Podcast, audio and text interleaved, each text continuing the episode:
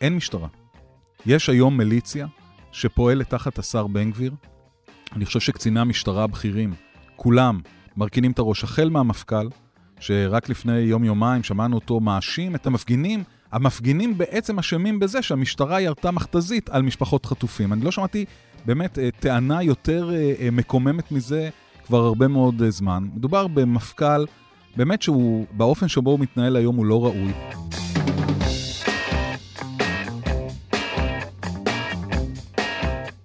ברוכים הבאים למרקרים, פודקאסט סוף השבוע של דה מרקר. ההזדמנות שלכם לקחת פסק זמן ממחזור החדשות היומיומי ולצלול איתנו לסיפורים, לאנשים ובעיקר לרעיונות מאחורי החדשות. כאן באולפן איתכם כמדי שבוע, ענת ג'ורג'י וגיא רולניק. שמענו בפתיח את עורך דין גונן בן יצחק, מפעילי המחאות נגד משטר נתניהו בעשור האחרון. שלום ענת. שלום גיא. קראתי הבוקר בדה מרקר שאת מסתובבת בימים האחרונים באולמות תצוגה של אה, מכוניות חדשות עם צ'ק של לא פחות מ-160 אלף שקל. אז אני שואל את עצמי למה אתם בוכים שם במרקר שמצב הכלכלי מידרדר, אני רואה שהכסף אצלך זורם. כן, כן. אז רק uh, כמה תיקונים קטנים. Uh, לא שלחו אותי עם צ'ק דה מרקר, שלחו אותי עם כסף על הנייר, מה שנקרא דמיוני. Uh, אני הצעתי ללכת עם 100 אלף שקל, ואמרו לי שב-100 אלף שקל אני לא אוכל לקנות uh, שום מכונית בישראל, בטח לא יד ראשונה. ולכן העלינו את זה ל-160 אלף שקל, מה שגם לא נתן לי יותר מדי אפשרויות כשמדובר במכונית אה, משפחתית. אה, והרעיון היה אה, ללכת לסוכנויות רכב ולראות מה מציעים, מה הטרנדים ודברים כאלה. והמסקנה שאליה הגעתי מהסיור הקצר הוא שבעצם כל אחד מוכר את מה שיש לו. מי שיש לו אה, רכב חשמלי, אז הוא ימליץ עליו ויספר לי את היתרונות הגדולים שיש לו. ומי שאין לו יספר לי למה לא כדאי לי, או שזה לא מתאים לי לקנות רכב חשמלי. וגם שבדרך כלל מנסים למכור לך אה, דגמים אה, יותר ישנים, ולא תמיד טורחים להגיד שיש דגמים חדשים בדרך. וחוץ מזה שמחירי המכוניות, אה, כמו כמעט כל דבר פה, עלו מאוד בשנה האחרונה. למה הם עלו? יוקר המחיה, שיבושים בהובלה הימית, אלף ואחת סיבות. אני חושב שלהגיד יוקר המחיה, יוקר המחיה נגרם כתוצאה מזה שהמכוניות יקרות. יש קרטל של ארבע יבואנים אה, גדולים, זה מתועד על ידי הרבה מאוד אה, ועדות אה, ממשלתיות מזה הרבה מאוד שנים, ואף אחד לא עושה עם זה כלום, כי הממשלה הזאת לא בעניין של לעזור לאזרחים, ובוודאי לא בעניין של להתעמת עם גורמים חזקים. אנחנו רואים את זה לכל אורך הדרך, יש רק... אה, כותרות וסיסמאות וסיפורים, אבל בפועל לא נעשה אה, שום דבר. אז אני לא יודעת, אני רק אה, יכולתי לומר שהמחירים באמת עלו, וש-160 אלף שקל בכל זאת מקנים לך היצע די מוגבל של מכוניות, כשמדובר במכונית משפחתית. דרך אגב, באף אחת מהסוכנויות לא שאלו אותי כמה אנשים אנחנו במשפחה. ואיזה גודל של רכב אני צריכה, מיד המליצו לי על רכב יחסי די מסיבי. אבל דיברת על הממשלה, ואני רוצה לדבר איתך על אה, אחד הנושאים שבאמת הסכלו אותי השבוע, והוא ההחלטה לקצץ 25% מהתקציב של מכון וולקני. אה, מכון בעצם שנועד לסייע לחקלאים ולחקלאות בישראל ומורכב מחוקרים. אתה יודע, אני בשנים האחרונות כותבת לא מעט על פירות וירקות, על חלק מהן גם אה, דיברנו פה. וכמעט ב- בכל פעם אה, החקלאים מפנים אותי למכון וולקני ומספרים לי שבדיוק כרגע הם עובדים על זן חדש של הפרי הזה, או על איזה פיתוח מיוחד אה, שיקל על הגידול שלו. ומכון וולקני הוא בסך הכל, החוקרים בו תורמים לצלחת של כל אחד מאיתנו. וההחלטה הזאת שעלולה לסגור אותו, היא לגמרי חסרת היגיון ולא ברורה, והיא מצטרפת להחלטות אחרות של הממשלה הזאת, שעושה כל מה שאפשר כדי להכחיד את החדשנות והמדע. וזה בכייה לדורות, ואתה יודע, זה מסוג הדברים שאתה לא יודע מה נעשה גם ביום שאחרי, איך נוכל לשקם את כל זה. כמה חתכו למכון? כמה, בכמה חתכו את התקציב? התקציב היה 320 מיליון שקל, הורידו להם כבר 20 אחוז בגלל המלחמה, ועכשיו רוצים להוריד להם עוד 25 אחוז. זה כסף... בעצם לחסל אותם. אבל זה כסף קטן, גיא, זה, זה 70 מיליון שקל, בוא, זה, זה... כמה זה עשירית מהתקציב של סטרוק? מהתוספת של סטרוק התכוונת. התוספת של סטרוק היא לדעתי מיליארד שקל, לא? כן, משהו כזה. וזה כסף שמשמש למשכורות ולתחזוקה. הם אומרים, מחר יתפוצץ לנו הביוב בבניין, אין לנו כסף לתקן אותו. עכשיו, יש להם כסף שמגיע מתמלוגים ומזכויות, אבל הוא הולך ישירות למחקר עצמו. יש שם, אה, יש שם חוקרים, ויש שם תשתיות, יש שם מבנים יחסית ישנים. דרך אגב, זו לא פעם ראשונה שפוגעים או מנסים לפגוע במכון. גם בזמנו אריאל אטיאס ניסה להעביר אותו לצפון, מה ששוב יכל היה אה, לסכן אותו, בסופו של דבר זה לא קרה. ענת, זו ממשלה שלא מאמינה במדע, אלא מאמינה בדת, ואלה התוצאות אה, אה, בהתאם. אה, נתניהו, אם את זוכרת, היו שנים שבו הוא היה משחק אותה מר start-up nation ומר סייבר. זה התאים כמובן לכל התפיסה הביטחונית שלו, אולי נדבר על זה גם היום, אולי גם זה אחת הסיבות שהגענו ל-7 באוקטובר, אבל uh, בגדול יש להם טינה, שלא לומר שנאה, uh, למה שהם תופסים כאליטות, והמדע נכלל אצלהם בדרך כלל באליטות, ולכן הם מעדיפים להעביר כסף לשטחים, ומעדיפים להעביר כסף... אה, לסטרוק, אבל המכון הוולקני כנראה לא מעניין אותם. כן, רק שבסופו של דבר זה יפגע בצלחת של כולנו, גם של מצביעי עוצמה יהודית, גם הם, ככל שאני יכולה להעריך, אוכלים פירות וירקות. לא בטוח, בגלל שיש, כמו שאמרנו, באסמים ובקופות הרבה מאוד כסף. בטווח הקצר זה יפגע בעיקר אה, אה, במי שמשלם כאן אה, מיסים, ומי שכאן אה, חי מקשרים בינלאומיים, בחלק מאוד מסוים מהציבור. בשעה שהמצביעים של עוצמה יהודית, כבר דיברתי על זה בפודקאסט אה, לפני כמה שבועות, חלק גדול מהם אה, מנותקים מהמצב הבינלאומי של אה, ישראל, הם חיים חלקם מתקציבי מדינה, תקציבים אליהם גדלים, וייקח עוד הרבה שנים עד שהחשבון יוגש להם. אז בגדול יש פה, הם, הם מרגישים, וכמובן שלא לדבר על האנשים בתוך מרכז ליכוד, שמחוברים לתקציב המדינה, בגדול יש פה אוכלוסיות עם כוח פוליטי מאוד גדול, שלמרות המצב הכלכלי שהידרדר, מצבם אה, לא יורע ולפעמים גם אפילו אה, השתפר. כן, ואנחנו מדברים כבר הרבה זמן על היציאה לרחובות ועל ההתעוררות של המחאה, והמחאה השבוע עשתה כותרות, אבל לא בהכרח בגלל היקף המופגינים בו, אלא בגלל עוצמת האלימות אה, שהופעלה שם על ידי המשטרה. המשטרה טוענת שהמפגינים הפעילו לחץ, אין שום עדויות לזה, אבל uh, אין שום ספק שהופעלה שם אלימות uh, די, בעוצמה די גבוהה מצד המשטרה. Uh, מה שיכול אולי גם להרתיע אנשים אחרים מלצאת לרחובות, גם היו הרבה מאוד מעצרים. ואנחנו נדון בעניין הזה השבוע וננסה להקיף אותו מכל ההיבטים. כן, ענת, אנחנו שבוע, עוד שבועיים לדעתי, אנחנו חמישה חודשים לאחר הטבח של 7 אה, באוקטובר. נתניהו עדיין ראש ממשלה, איתמר בן גביר הוא עדיין השר לביטחון פנים, או ביטחון לאומי, איך שלא קוראים לזה, ויואב קיש הוא עדיין שר החינוך. ובצלאל ו... סמוטריץ' הוא עדיין שר האוצר. נכון, ובני גנץ וגדי איזנקוט יושבים בממשלה, נותנים לחבורה הזאת אה, לגיטימציה ומעריכים את אה, חייה. ולא חולף שבוע מבלי שהחבורה הזאת מכרסמת אה, בעוד נורמה ובעוד מוסד. השבוע הזה הגיע הזמן של אה, פרס אה, ישראל.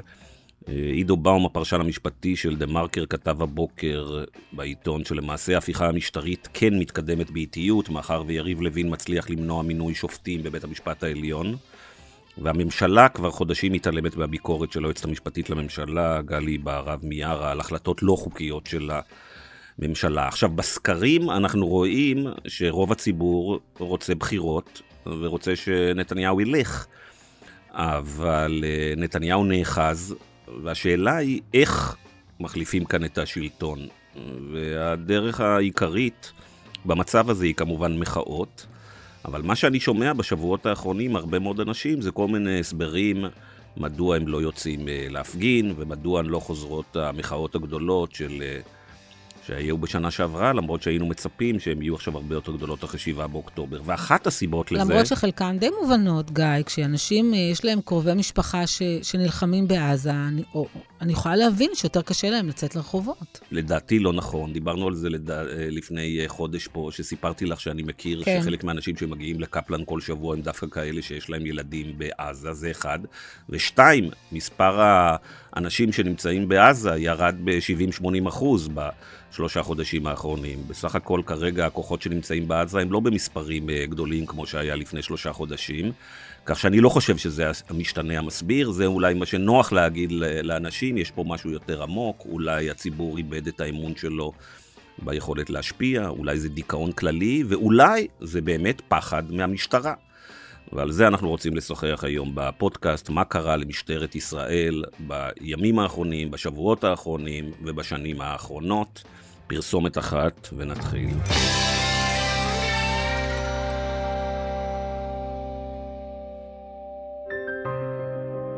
חשבנו שיש דברים שלא צריך להסביר, שהם פשוט מובנים מאליהם.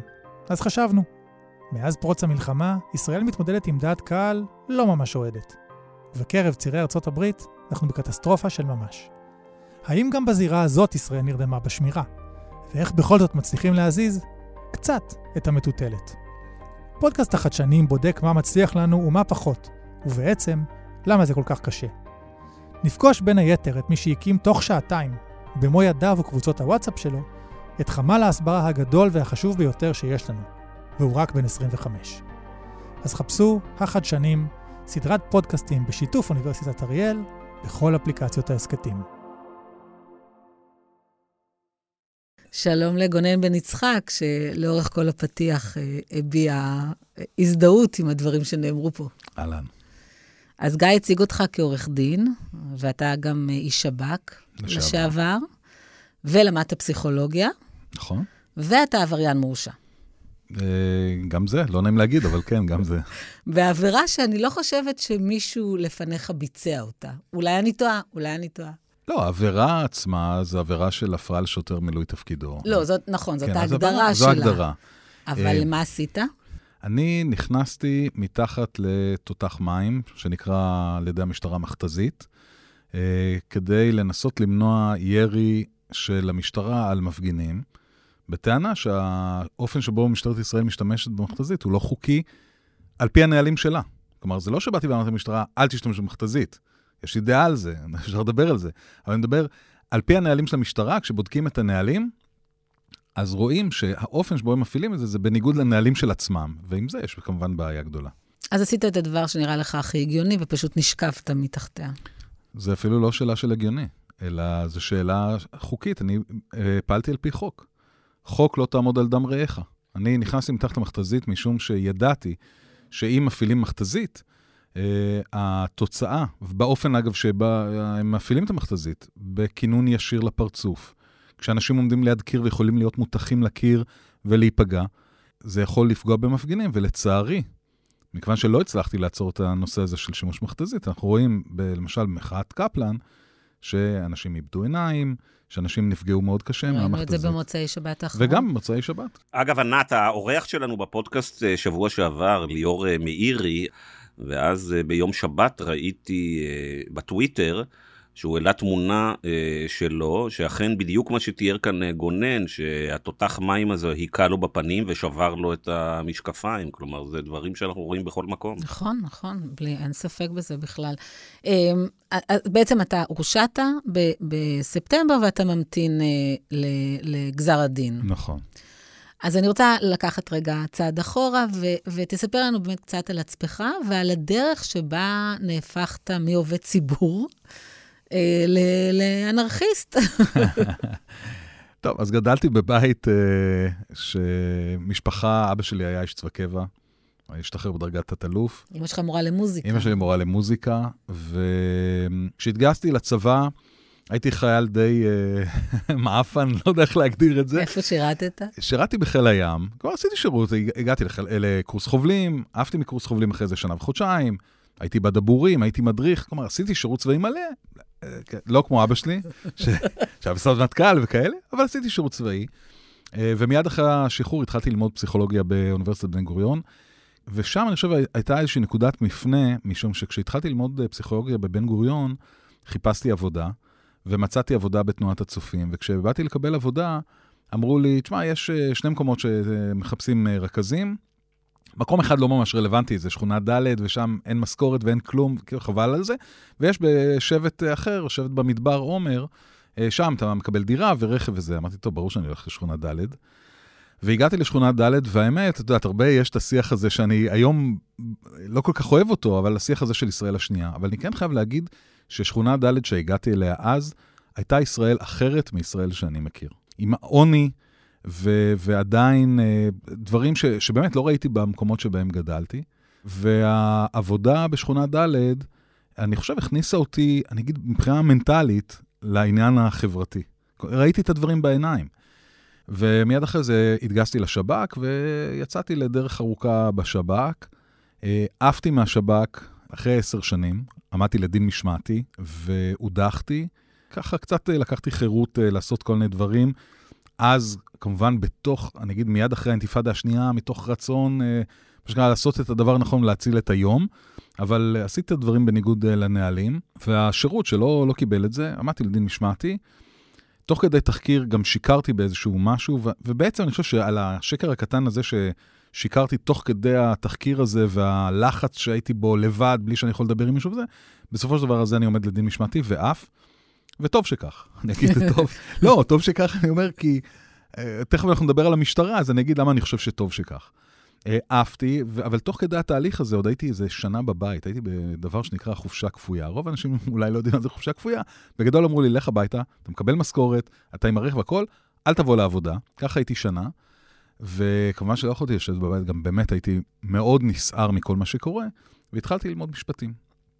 למדתי משפטים בבינתחומי, ומצאתי את עצמי עורך דין. אז התחיל נושא הגז. נושא הגז עניין אותי בלי שהייתה לי דעה מוקדמת, והלכתי לאירוע שהיה בכנסת, שבזמנו חברת הכנסת אה, שלי יחימוביץ' עשתה לציבור ללמוד קצת על הדברים האלה. פגשתי שם במקרה מישהו שגיא מכיר, ש... שהיה אז אה, יועץ השר להגנת הסביבה, אייל עופר. הוא בא ושאלתי, מה אתה עושה פה? ידע מי אני, ואמרתי לו, באתי לשמוע, להקשיב. אז הוא אמר, טוב, תקשיב, דבר איתי אחרי זה. ובעצם אייל הכניס אותי ככה לתוך הסיפור הזה של מטה המאבק אה, נגד מתווה הגז, שם הכרתי את אורלי בר-לב, ומשם בעצם ככה התגלגלתי לתוך הממש פעילות יותר אקטיבית ו, אה, ומשמעותית אה, של מחאה. אז גונן, בוא תספר לנו, כיוון שאתה במחאות כבר תקופה אה, ארוכה, למעשה כבר אתה עשור נמצא ב, ברחובות, בכל זה התחיל עם מתווה הגז, ואחר כך זה המשיך כמובן עם קריים מיניסטר ועם אה, בלפור, ובשנים האחרונות עם ההפיכה המשטרית, ועכשיו עם ה...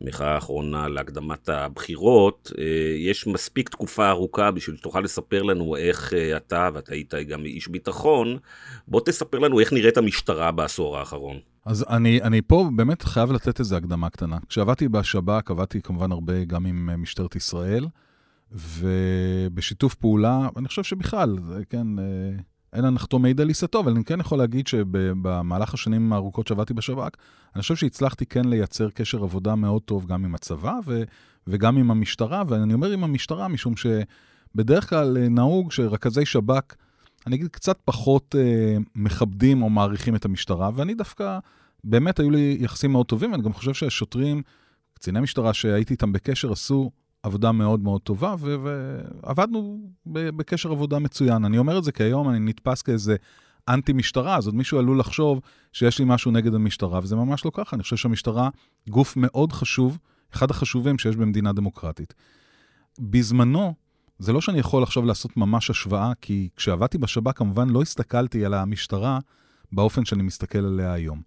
אבל בשנים האחרונות אני כן רואה באמת הידרדרות ענקית, ובמיוחד בשנה האחרונה, תראו, בואו בוא נגיע רגע לסוף. אין משטרה. יש היום מיליציה שפועלת תחת השר בן גביר.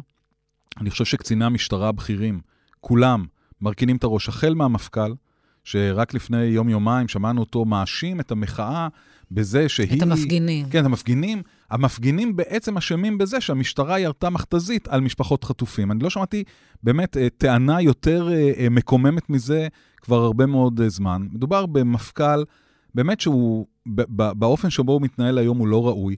ואגב, את הדברים האלה לא רק אני אומר, הגיע קצין כמו עמי אשד, ואני רוצה להגיד על, על ניצב עמי אשד, שהיה מפקד מחוז תל אביב בתפקידו האחרון, לפני שבעצם הראו לו את הדרך החוצה, עם עמי אשד היו לנו עימותים אה, מקצועיים, כן? בתקופת המחאה אה, בבלפור, וזה לא, זה לא בן אדם שהוא, כמו שמציגים אותו על ידי מכונת הרעל, איזה שמאלני שהוא רק אה, תומך במחאה. היו לנו עימותים, בזמנו היו הפגנות אה, מול הבית של גנץ, המשטרה נהגה לקחת אה, מפגינים, כביכול לעכב אותם ולזרוק אותם בשדות רחוק כדי שילכו ברגל ו...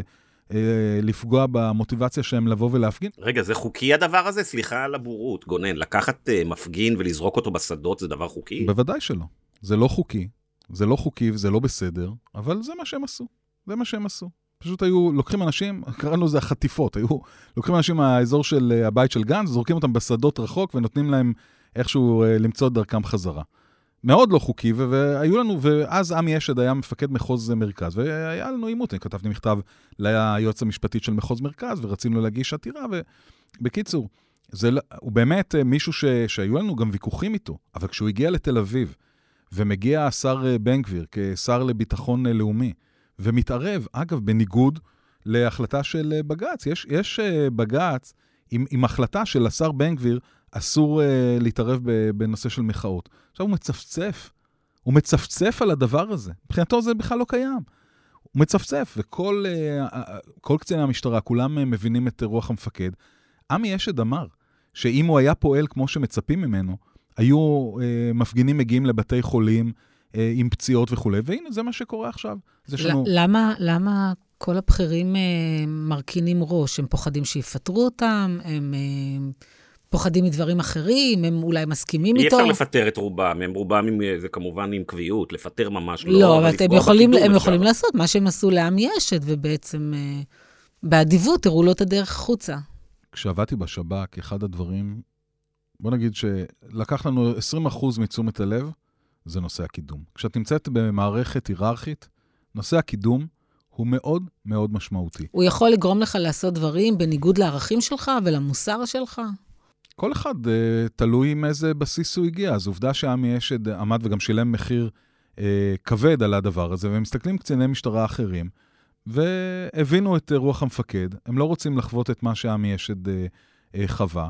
תזכרי שעמי אשד זה. לא רק שבסופו של דבר הראו לו את הדלת החוצה והוא נאלץ, כן, להתפטר ולצאת מהמשטרה, למרות שאני מניח שבשלב מסוים הוא ראה בעצמו בצדק מועמד למפכ"לות, אלא שמסביב יש גם מכונת רעל שטוחנת, טוב, אני לא צריך ללמד את uh, גיא רולניק מה זה מכונת רעל, אבל מכונת רעל שטוחנת, טוחנת את זה בכל מיני, uh, uh, גם, גם ברשתות החברתיות וגם בערוץ התרעלה של נתניהו, ואתה אוכל, או המשפחה שלך גם אוכלת את, ה, את השיירים מסביב של מה שעושים לך ברשתות ורצח האופי מסביב. מי, מי רוצה להתעסק עם דבר כזה? וואו. אה, עוד לא התחלנו את הפודקאסט וזה כבר אה, מדכא. השאלה שלי היא, תראה, המשטרה, אמרת זה ארגון היררכי, זה סקטור ציבורי, זה ארגון אה, כבד. יש לזה בעיקר חסרונות, אבל יש גם לזה יתרונות, ואחד היתרון הוא שחשבנו לתומנו שלא בן לילה אפשר לשנות את התרבות הארגונית. ואתה תיארת פה בעצם איזו הידרדרות נורא מהירה מאז שבן גביר משתלט, ותיארת, ואפילו הלכת כל כך רחוק ואמרת שהמשטרה היום היא מיליציה של בן גביר. אז אני מבין ש-20% מהזמן אנשים עוסקים רק בשאלה של הקידום שלהם, בעיקר ככל שעולים אה, אה, למעלה והקידום נהיה יותר, אה, יותר ויותר קשור לדרג הפוליטי. אבל איפה נמצאת התרבות הארגונית של המשטרה לאורך שנים, שהיא תרבות של, אני מקווה, של אכיפת חוק, ולא של פריעת חוק? אז קודם כל, חשוב באמת לומר שלאורך השנים הארוכות, כשמסתכלים אחורה, ממשלות ישראל אה, חנקו את המשטרה. לא, לא ראו במשטרה, אני אומר מבחינת תקציבים, מבחינת ההשקעה, גוף שהוא מאוד אה, חשוב. כשמסתכלים על כוח האדם שהגיע למשטרה, יש במשטרה אנשים מצוינים, אבל בסך הכל, אני מניח שאם יבדקו מבחינה סוציולוגית, אתה יודע, יש לי חבר שפעם אה, נכנס לתחנת משטרה בנתניה לפני שנים, והוא סיפר לי שהוא ראה שם מודעה להתגייסות המשטרה, והיה רשום שם, אה, מחפשים אנשים וזה, בגרות, יתרון. בגרות היה יתרון למי שמתגייס למשטרה. עכשיו, האנשים האלה התגייסו, וחלקם הגיעו וגם התקדמו. ובסוף, יכול מאוד להיות שכשהשר בן גביר מגיע ואתה שואל על, ה- על התהליך המאוד מהיר שהמשטרה עוברת, הוא בא למקום שהיה בשל לקבל אותו. מקום שאנשים, או הרבה אנשים, אולי הרוב המכריע של האנשים, די מזדהים איתו, ומבינים את זה, ו- ושמחים. אתה מרגיש את זה, אתה מרגיש את זה בהפגנות, שהשוטרים בעצם הם אה, אה, בעד ההפיכה המשטרית, בעד אה, נתניהו, מרגישים את זה בהתנהלות שלהם?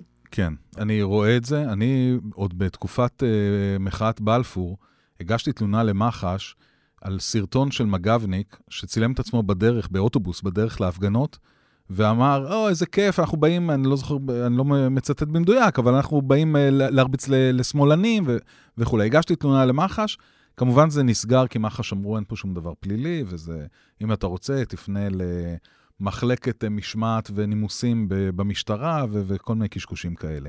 אבל, אה, זו רק דוגמה. אבל ברור שהתשובה היא כן. היום, היום זה יותר ויותר מובהק, ואפילו אנחנו רואים סרטונים מיום שבת האחרון, שבא קצין משטרה ואומר לאנשים, אל תדברו על פוליטיקה. יכול להיות שיש, אה, לפחות במקרה של חלק מהשוטרים, יש איזושהי עייפות שנובעת מהימשכות המחאה בשנה האחרונה, אה, מהמלחמה. גם לזה יש השפעה. כלומר, אנחנו מסתכלים על ארגון, קודם כל ארגון שבאמת עובד קשה. שוטרים עובדים קשה. שוטרים מסתכנים, מקבלים, שוטרים רגילים, מקבלים משכורות מתחת לכל ביקורת. שבת אחרי שבת הם צריכים לבוא, לראות את הצפונבונים האלה שבאים אה, לבושים אה, יפה ו- ומפגינים. אני רגע... לא חושבת שזה קשור לצפונבונים, זה רעש וזה זמבורות. אבל לא, ענת, זה כן קשור, זה כן קשור, כי זה קורה באווירה שבה מרעילים את הציבור. בקטע הזה, והנה אנחנו חוזרים... מרעילים גם אותם? כן, לישראל השנייה, ולשמאלנים, וה, והזה, והאשכנ... כל זה קורה באווירה, הם חיים בתוך המדינה הזו, הם, הם רואים ערוץ 14, את יודעת, הלכתי להגיש תלונה במשטרה לפני כמה, לפני שבוע, שבועיים פה בסלמה, ואני יושב ומחכה, ומה מקרינים אה, בטלוויזיה? ערוץ 14, בתחנת המשטרה, ערוץ 14, צילמתי את זה. ערוץ 14, זה מה שהם רואים. הם, הם, הם, מבחינתם, מה שהם מספרים בערוץ 14, זה, זה אמיתי. ו, ויש עוד דבר שעוד לא דיברנו עליו, שאולי תכף נדבר עליו. להגיד? כן, כן. יש עוד ארגון שאמור לאזן את, ה, את כל מה שאני מדבר עליו, שנקרא מח"ש. מח"ש גוף בתוך משרד המשפטים, שלכאורה גוף שאמור לחקור שוטרים שעברו עבירות, ולטפל בדבר הזה, ולהוות איזה מין, אני אגיד, אה, אה, גורם שממתן אה, אירועים של אלימות ושל של דברים כאלה ואחרים. אין מח"ש. אין מח"ש.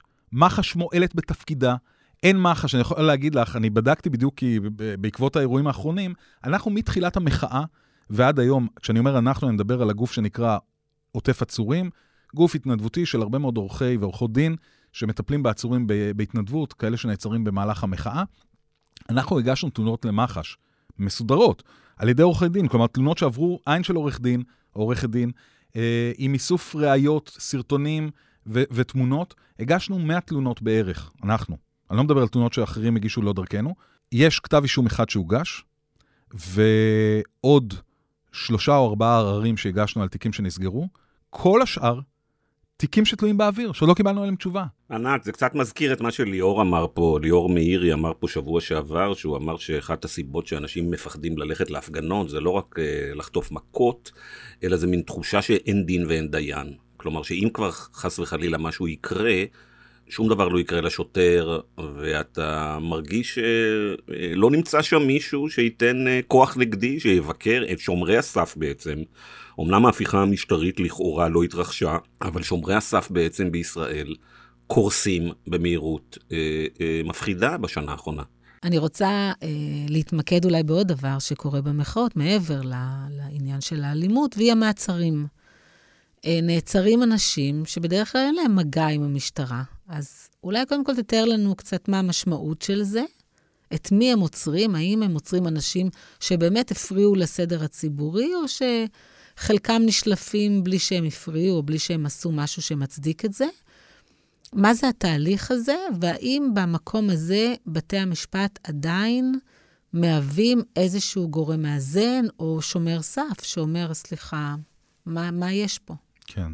אז אני אחלק את זה לפעילים, נגיד, אה, כבר משופשפים וותיקים, שחלקם נעצרים אה, מדי פעם ומכירים את התהליך, נשים אותם רגע בצד, ונעבור באמת לכל מיני אה, פעילות ופעילים שנעצרים פעם ראשונה. ביום שבת האחרון עצרו 21 פעילות ופעילים ש... מה זה פעילים? אנחנו אומרים, זה לא פעילות ופעילים, זה אנשים גם... שבאו להפגין. זה אזרחים שבאו לממש את המינימום שהם יכולים במדינה דמוקרטית, וזה לבוא, לעמוד על המדרכה, אגב, כולם עמדו על המדרכה, וכל מה שהמשטרה רצתה זה לא שהם יפנו את הכביש, הם לא חסמו את הכביש. המשטרה רצתה שהם יעמדו במקום אחר. למשטרה יש זכות להגיד את זה? זו דרישה שהיא לגיטימית? היא לגיטימית, אבל בתנאי, וזה אמרה כבוד הנשיאה, השופטת, אה, כתוארה אז, אה, הנשיאה חיות בדימוס, בפסק דין שאנחנו קוראים לו פסק דין גורן, פסק דין לגבי המחאות מול הבית של היועץ המשפטי לממשלה אז, אביחי מנדלבליט. היא אומרת שהמשטרה יכולה לעשות את זה. מתי? מתי יכולה בעצם להגביל את חופש המחאה, שהוא לא, זה לא זכות מוחלטת, כאשר יש סבירות ודאית להפרת סדר חמורה שמסכנת חיי אדם. זה כמובן לא מה שקרה, לא מה שקרה בקפלן במוצאי שבת. עכשיו, נעצרים אנשים שבאו להפגין, אנשים ללא עבר פלילי, אנשים שכמובן לא באו לעשות איזושהי עבירה פלילית, אבל את יודעת מה? נניח רגע שבן אדם, בהיסח הדעת, בלי שהוא אפילו מבין, עבר עבירה. לא יודע, הפרת סדר ציבורי, מה שהשוטר חושב שהוא הפרת סדר ציבורי, שוטר חשב, באמת חשב, הוא לא, הוא לא נגדנו, הוא חשב שהייתה עבירה של הפרת סדר ציבורי. לקחו אנשים ולוקחים אותם לחקירה. עכשיו, לכן קיים גם הגוף הזה שנקרא עוטף עצורים, שאנחנו מיד באים כדי, אמנם אומרים לאנשים כזה, ב, את יודעת, איך שמתחילה החקירה, יש לך זכות וזה, אבל אנשים נורמטיביים אומרים, אני לא עבריין, כאילו באתי להפגין, לא עשיתי שום דבר, מה, אני צריך עורך דין, אני לא עכשיו, אני לא רוצח המונים, שטויות. לא צריך. אבל כן צריך, כי אנשים לא מבינים בדיוק לא את הזכויות שלהם ולא גם את, ה, את הסיכון שיש להם. עכשיו, דיברתי עם איזה מישהי אה, שנעצרה שם וגם נחבלה ביד. למה היא נעצרה? היא עמדה עם חברה, דיברתי גם עם חברה. הגיע שוטר, דחף אותה, הפיל אותה והיא נחבלה ביד. על מה היא נעצרה? על תקיפת שוטר. עכשיו, תקיפת שוטר זו אה, עבירה חמורה, תקיפת שוטר. אז זאת אומרת, אם מגיעה לחקירה, בטח אה, זה ייגמר בצורה חמורה, אולי אפילו יביאו אותה לבית משפט. התקיפת שוטר היה כדי, מה שנקרא, לצנן פה את המוטיבציות כדי עכשיו להיכנס אה, בשוטר. היא שוחררה. היו לנו לא מעט מקרים של אנשים שפשוט לא עברו כלום, אה, לא עשו כלום, סליחה, אה, שאפילו השאירו אותם לילה במעצר. אנחנו, רק לפני איזה שבוע, הייתה החלטה שקיבלה אחת מערכות הדין של עוטף עצורים לגבי עצור שנעצר ורצו לתת לו כל מיני תנאים מגבילים. שוב, בהפגנה בקיסריה, בטענה שהוא תקף שוטרים. כותב השופט, שופט בבית משפט השלום בחדרה, שהוא צופה בסרטונים, והוא אומר, אני רואה תמונה מדאיגה, כי מה שהשוטרים אומרים, זה לא מה שאני רואה בסרטון. רוצה לומר ככה בצורה עדינה, השוטרים שיקרו. שיקרו, רצו לשלוח את הבן אדם, אני יודע, מעצר בית או משהו כזה. שיקרו. עכשיו תגידי, אוקיי, בית משפט בא ורואה ששוטרים שיקרו, מה קורה הלאה? אוקיי, שיקרו, נו, לא נעים. אני רוצה רגע להזכיר לכולנו שכל הדברים האלה מתרחשים כאשר בממשלה יושבים אה, בני גנץ וגדי איזנקוט. וכמובן אה, אדון אה, גדעון סער שמשחק אותה איש שלטון החוק, כן. והם לא עושים כלום, או שאני טועה. לא, לא, לצערי אתה לא רק שאתה לא טועה, אלא שלפני יומיים הייתי במשטרת ראש העין, כי איזשהו פעיל מהמחאה עבר ליד הבית של גנץ, ועצרו אותו בחשד להטרדה. אז הוא נעצר ונחקר בחשד להטרדה, אמנם בסופו של דבר שוחרר, כן, אבל אני אומר לך שבעבר במחאות מול הבית של אה, גנץ, תפסו אה, פעילי מחאה, זרקו אותם בשדות, ונתנו להם לחזור הביתה אה, ככה. תגיד, יש איזה שר או פוליטיקאי שבולט אה, במאבק אה, כדי לנסות כן להחזיר את אה, שלטון החוק למשטרה? לצערי אני לא רואה את זה. אני בפירוש הייתי מצפה מגנץ ואייזנקוט, אם הם כבר בתוך הממשלה, שבעיניי זה תועבה, אבל אם הם כבר בפנים, לפחות שיעשו משהו, בטח בסוף שבוע כזה. ואתה יודע, גיא, אמרתי לענת, לפני שהתחלנו את הפודקאסט, אני רואה תמונות מירושלים אתמול. אתמול, בכניסה לעיר ירושלים, מתחת לגשר המיתרים, פעילי ימין שהפגינו נגד אה, המשך המעצר מנהלי, הארכת מעצר מנהלי של דנינו שם, איזשהו פעיל ימין, אה, הם חסמו את הכביש, הבעירו צמיגים על הכביש. כמה מכתזיות היו? אפס מכתזיות, אפס פרשים ואפס מעצרים. אתה יודע, כש, כשחשבתי על הפודקאסט, אמרתי שאולי אני אעשה איתך איזו שאלה של uh, מדריך למפגין המצוי, מה, עשה ואל תעשה, אבל בעצם מה שאתה אומר פה, זה חסר משמעות. זאת אומרת, זה לא משנה איפה תעמדו, זה לא משנה מה תעשו. אתם יכולים לחטוף מכתזית, יש מצב שיעצרו אתכם, פשוט רק בגלל שבאתם להפגין. זאת, זאת המציאות, או שאני פה נכנסת לאיזה חרדה שהיא לא... לא, לא. אני, למה אני צוחק? אני צוחק כי עמדתי בת, אה, ליד תחנת אה, גלילות בשבת אה, בלילה, אחרי המעצרים, ודיברה איתי שם מישהי ש... שהייתה בהפגנה, והיא אומרת לי, גונן, תקשיב, אני עומדת על המדרכה, ובא אליי שוטר, כועס, ואומר, למה את עומדת על המדרכה? והיא אומרת לי, לא ידעתי מה להגיד לו. אבל תראי, פרשים עלו על מפגינים, גם שברו רגל מפגינה, על המדרכה. את יודעת, זה לא... מילא הייתה באה המשטרה ואומרת, שוב, אני לא אוהב דווקא מקבל את זה, אבל נגיד, באה המשטרה ואומרת, אנשים חסמו את הכביש, לא הצלחנו לפתוח ציר תנועה, הוא חשוב, זה ליד הקריה, הכנסנו פרשים. הם שלחו פרשים על אנשים שעמדו על המדרכה, מתועד. אז מה אתם מצפים? הם מצפים שאנשים לא יבואו להפגין, משום שאנחנו נמצאים באמת, ב, הייתי אומר זחילה, זה כבר לא כל כך זחילה, אני חושב שזה בקצב מאוד מהיר. תראי, כשאנחנו אומרים אה, דיקטטורה... בקצב מאוד מהיר למה? להגיע מה? לדיקטטורה, כי כשאנחנו אומרים דיקטטורה, אנחנו מדמיינים כל מיני דברים ששמענו בעבר על כל מיני דיקטטורות. אבל דיקטטורה היום, יש לה כל מיני פנים, ואנחנו נמצאים כרגע בדיקטטורה שבה המשטרה מחליטה, אגב, אני כתבתי את זה בתחילת המלחמה, כשמפלגת חד"ש, שאני לאו דווקא מזדהה עם כל רעיונותיה, או עם איזה רעיון מרעיון, אולי חלק, אבל מפלגת חד"ש רוצה לעשות כנס פוליטי בתחילת המלחמה. באה המשטרה ואומרת להם, אסור.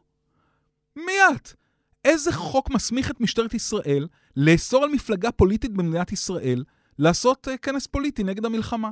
מה זה עניינכם בכלל? מה זה עניינכם? אין לכם זכות. ת, ת, תלכי לפקודת המשטרה. אין להם זכות בכלל להגיד את זה, אבל אצלנו זה עובר. זה דבר אחד. תסתכלי מה קורה בבתי הכלא, אוקיי? אני ראיתי כתבה בערוץ 13 של יוסי אלי, על uh, איך מחזיקים פעילי, uh, מה שהם קוראים פעילי נוח'בה, אני לא יודע, זה מה שאמרו בכתבה, אני נגיד שאלה פעילי נוח'בה. אנשים, 24 שעות, אזוקים אחד לשני, בתא, בלי מזרונים, בלי שום דבר. עכשיו, את אומרת, רגע, רגע, רגע. מדינת ישראל יש לה איזה סטנדרט מסוים, אז אני יודע, יקפצו עליי אנשים ויגידו, מה, אחרי הטבח? אבל אני רגע מסתכל על זה. החטופים שלנו לא חיים בתנאים יותר טובים, אתה יודע. אוקיי, ואנחנו רוצים לא, להיות אבל... אותו דבר? לא. אני, אני אומר משהו אחר. חוק הוא חוק. חוק הוא חוק. אי אפשר עכשיו להגיד, יש חוק לאנשים בכרם שלום שעוצרים את, ה, את משאיות הסיוע, ובעצם גורמים לזה שהחלטת ממשלה לא תתקיים. כי השר הוא נגד הכנסת הסיוע, אז הוא לא שולח אפילו את המשטרה. ראש הממשלה, תראי לאן הגענו, ראש הממשלה צריך לדבר ישירות עם המפכ"ל, שלא דרך השר לביטחון לאומי, כדי לשלוח משטרה לממש את החלטות הממשלה. איפה נשמע כזה דבר? גונן, אני רוצה לעבור איתך לנושא אחר, שלא תכננתי uh, לדבר איתך עליו, אבל תוך כדי, uh, בהכנה לפודקאסט, uh, קראתי קצת על דברים שכתבת בשנים האחרונות, ומצאתי מאמר שלך מ... אה, שנה וחצי לפני הטבח, שדי נדהמתי ממנו. אה, מאמר שכתבת בזמן ישראל, שהכותרת שלו זה כישלון היומינט. וזה ממש מאמר נבואי. אה, אתה מתאר שם באותו, וזה בתקופת, אגב, התמונה שמאתרת את המאמר הזה, זה בכלל תמונה של נפתלי בנט כראש ממשלה, יחד עם ראש השב"כ רונן בר. ואתה מספר שם לקוראים של זמן אה, ישראל, שנה וחצי לפני הטבח, תדעו לכם שאין יומינט, כלומר אין מודיעין שמבוסס על אה, אנשים, על אה, סוכנים בשב"כ ואולי גם בחלקים אחרים. לאור מה שקרה ב-7 באוקטובר, אתה מתאר שם בעצם איזו קריסה של מערך שלם של יכולות של השב"כ. ואפרופו מה שאנחנו שומעים בשבועות ובחודשים האחרונים, זה נראה בדיוק אחד לאחד אה, מה שקרה כאן.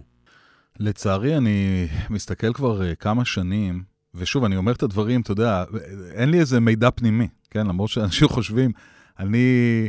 אה, לפחות בשנים שאחרי שהודחתי מהשב"כ, הייתי, בוא נגיד, לא הייתי אישיות רצויה במיוחד בשב"כ. זה לא, אין לי איזה מקורות מיוחדים בתוך השב"כ, אבל אני מסתכל על המציאות. אני מסתכל על אירועים ואני יכול לנתח את זה בעיניים המקצועיות שלי ולנסות להבין מה קרה פה. והיה לי די ברור שאני רואה באמת קריסה של מערך היומינט, משום שיש כל מיני דברים, אגב, שאנחנו מדברים עליהם היום והם, והם מאוד מאוד משמעותיים, כמו למשל סימנים מעידים. אה, מה זה סימנים מעידים? איך אה, מקור מביא את הדברים האלה? לי כל הזמן הייתה תחושה ששירות הביטחון הכללי אה, הולך שבי אחרי כל סיפור הסייבר, אתה יודע, בכלל, בעולם היום, להגיד סייבר. כל הצבא הלך כולם, אחרי... כולם, סייבר, היכול... סייבר, סייבר. אני לא מזלזל חלילה, אני חושב דברים, יכולות מדהימות ובאמת פורצות דרך, אבל, ויש פה אבל גדול, והאבל הגדול הוא שבסוף יש משהו ביומינט, במודיעין האנושי, במקור שנמצא במקום מסוים, והוא יודע לתת איזה שהם ניואנסים שמערכת טכנולוגית לא תמיד תדע לתת, או לפחות במצב שאנחנו נמצאים היום בטכנולוגיה, היא עדיין לא יודעת uh, לתת.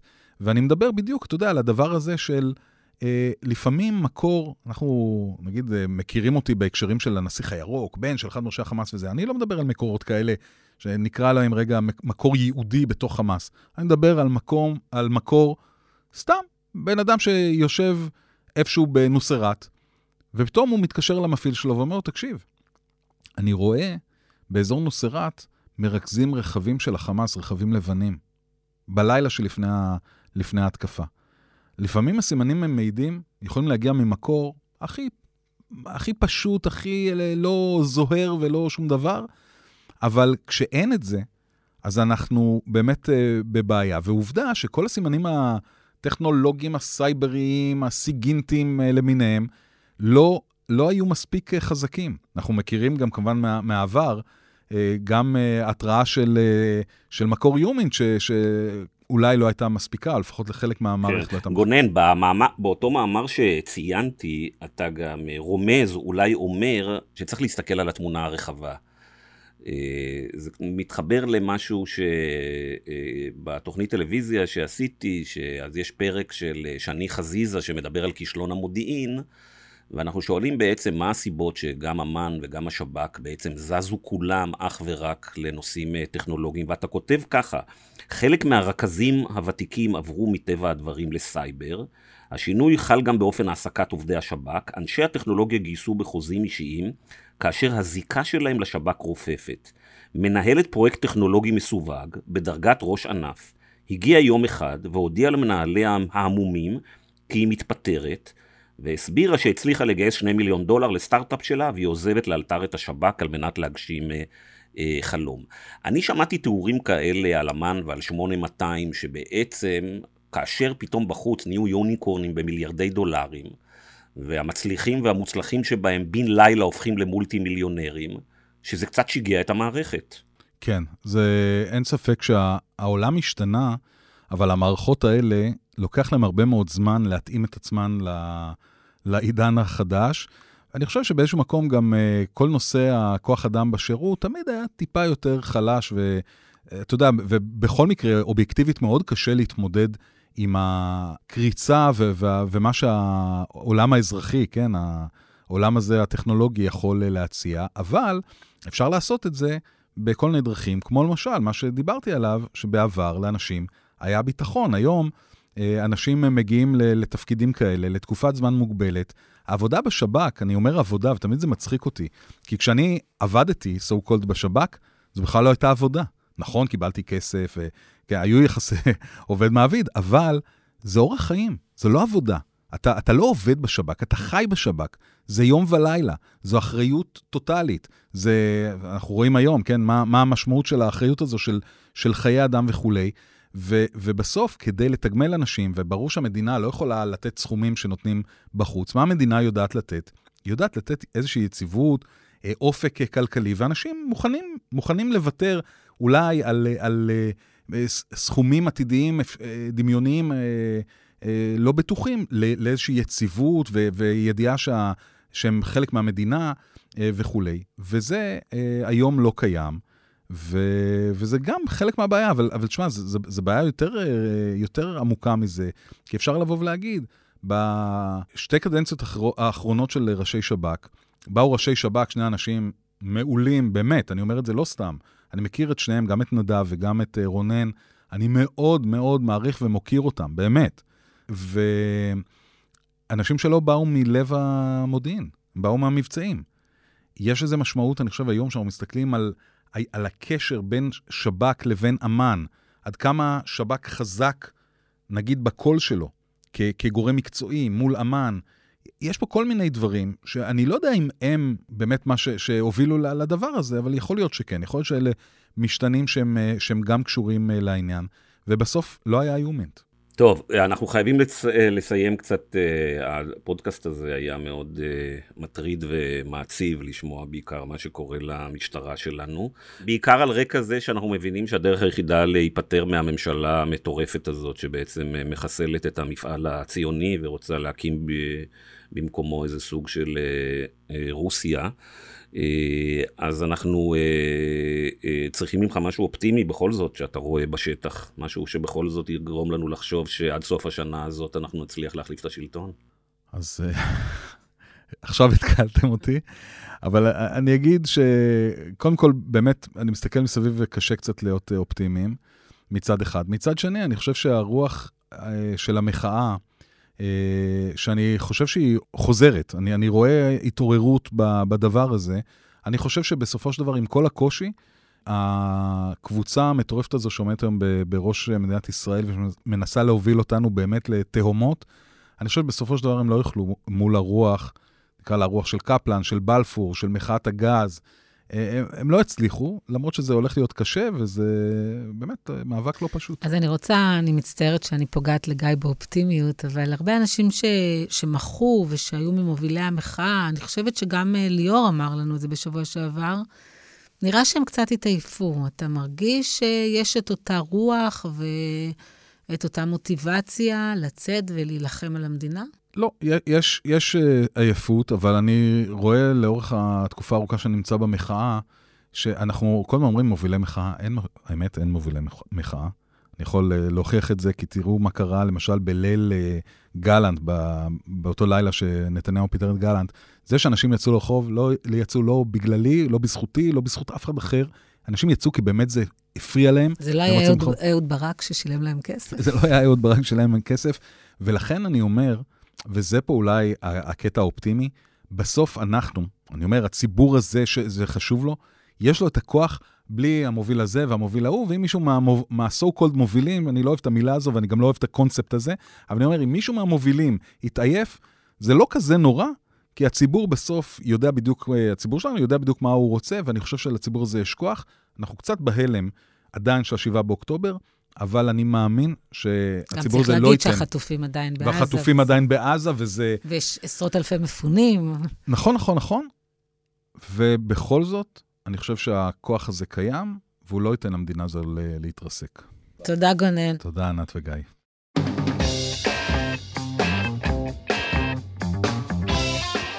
גיא, הפעם אני רוצה לשאול, איך אתה מסכם? אה, מה שאמר גונן מאוד uh, מטריד.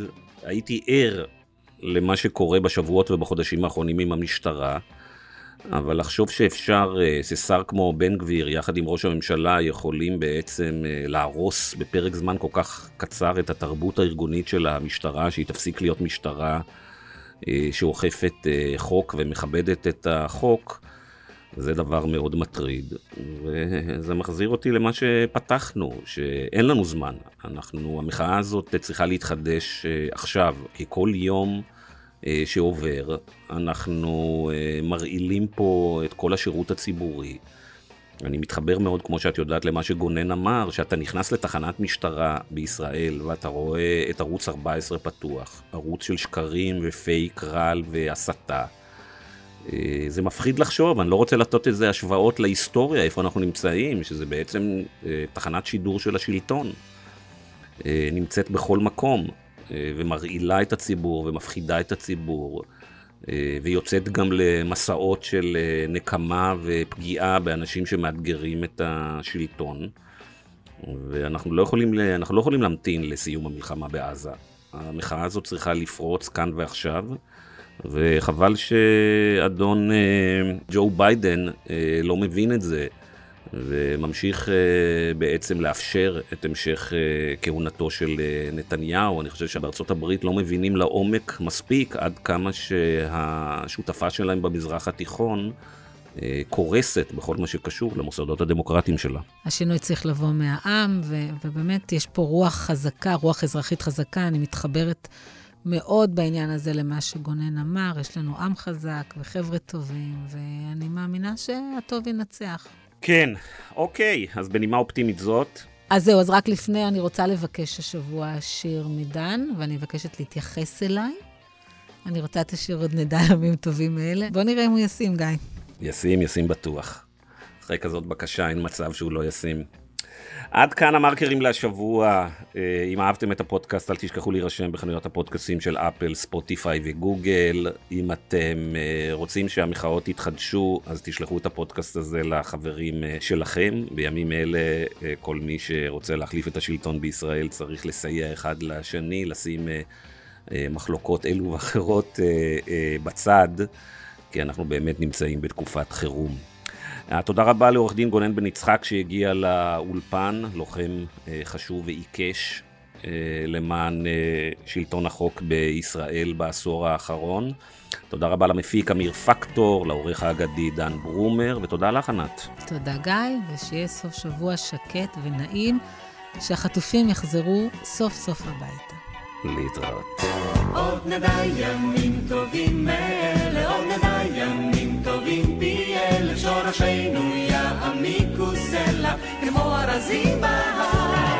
עוד נדע ימים טובים מאלה, עוד נמתיק מימיו של ים המלח בשדה ירוק, אחר השלף באשת בלב מדבר. יחד